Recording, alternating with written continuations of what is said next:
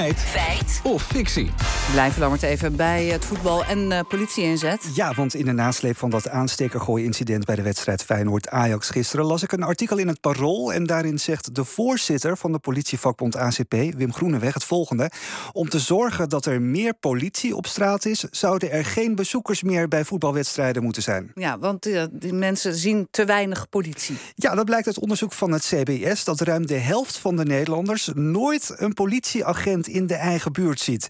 Maar ja, of je dat zo oplost, geen publiek bij de voetbalwedstrijden meer. Ik belde met Jan Timmer, politiewetenschapper bij de Vrije Universiteit. En hij begint met een open deurtje. Nou, die, voetbal inzet en allerlei andere openbare orde dingen kosten wel veel uren. Dus dat tikt wel af op de uren die politiemensen beschikbaar hebben voor andere werkzaamheden. Ja, maar of het dan bij afschaffen ook zo is dat de Nederlander automatisch meer blauw op straat ziet, dat klopt niet, zegt Timmer stellig. Nee, nee, nee. Als je al die voetbalwedstrijden afblaast, afblaast, is het niet zo dat je struikelt over de agenten op straat. Want die politiemensen die worden ingezet voor de, bij de mobiele eenheid voor nou, bijvoorbeeld voetbal. Dat zijn niet per se politiemensen die ook op straat uh, zijn. Dat zijn allerlei verschillende politiemensen. Het kan ook recherche zijn, dat kan ook digitale opsporing zijn, dat kan ook nou, et cetera, van alles zijn. Dus is, als je alle voetbalwedstrijden zou afgelasten, bijvoorbeeld, uh, neem de, de coronatijd, dan zie je niet meteen heel veel meer blauw op straat. Zo werkt het niet. Nou, maar hoeveel politieuren zitten er dan in het bijstaan van al die voetbalwedstrijden? Ja, we pakten de laatste bruikbare statistiek er even bij van het jaar 2018-2019.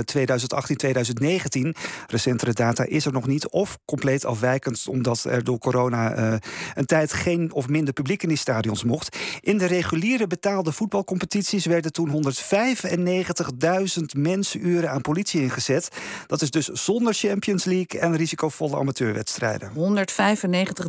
195.000 mensuren. Eh, is dat veel? Nou ja, een fulltimer werkt ongeveer 2000 uur per jaar. Jaap Timmer maakt de som. Als je dat uh, deelt door ongeveer 2000 uren per politiemens per jaar...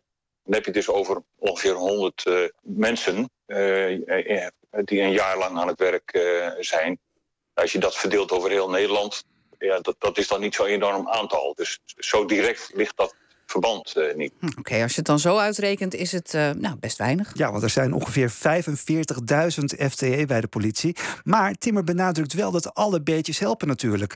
Hoogleraar recht Jan Brouwer wil het beeld bijstellen... dat er heel veel inzet voor politie is rondom wedstrijden. Want die was voor een wetswijziging in het jaar 2000 veel hoger namelijk. Nee, sinds uh, het jaar 2000 is de politie-inzet bij voetbalwedstrijden drastisch verminderd.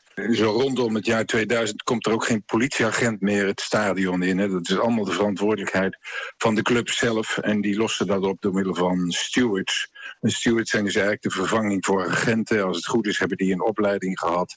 En uh, kunnen we daar ons heil van verwachten. Ten meer daar het ook vaak supporters zijn en veel meer grip op hun eigen medesupporters hebben.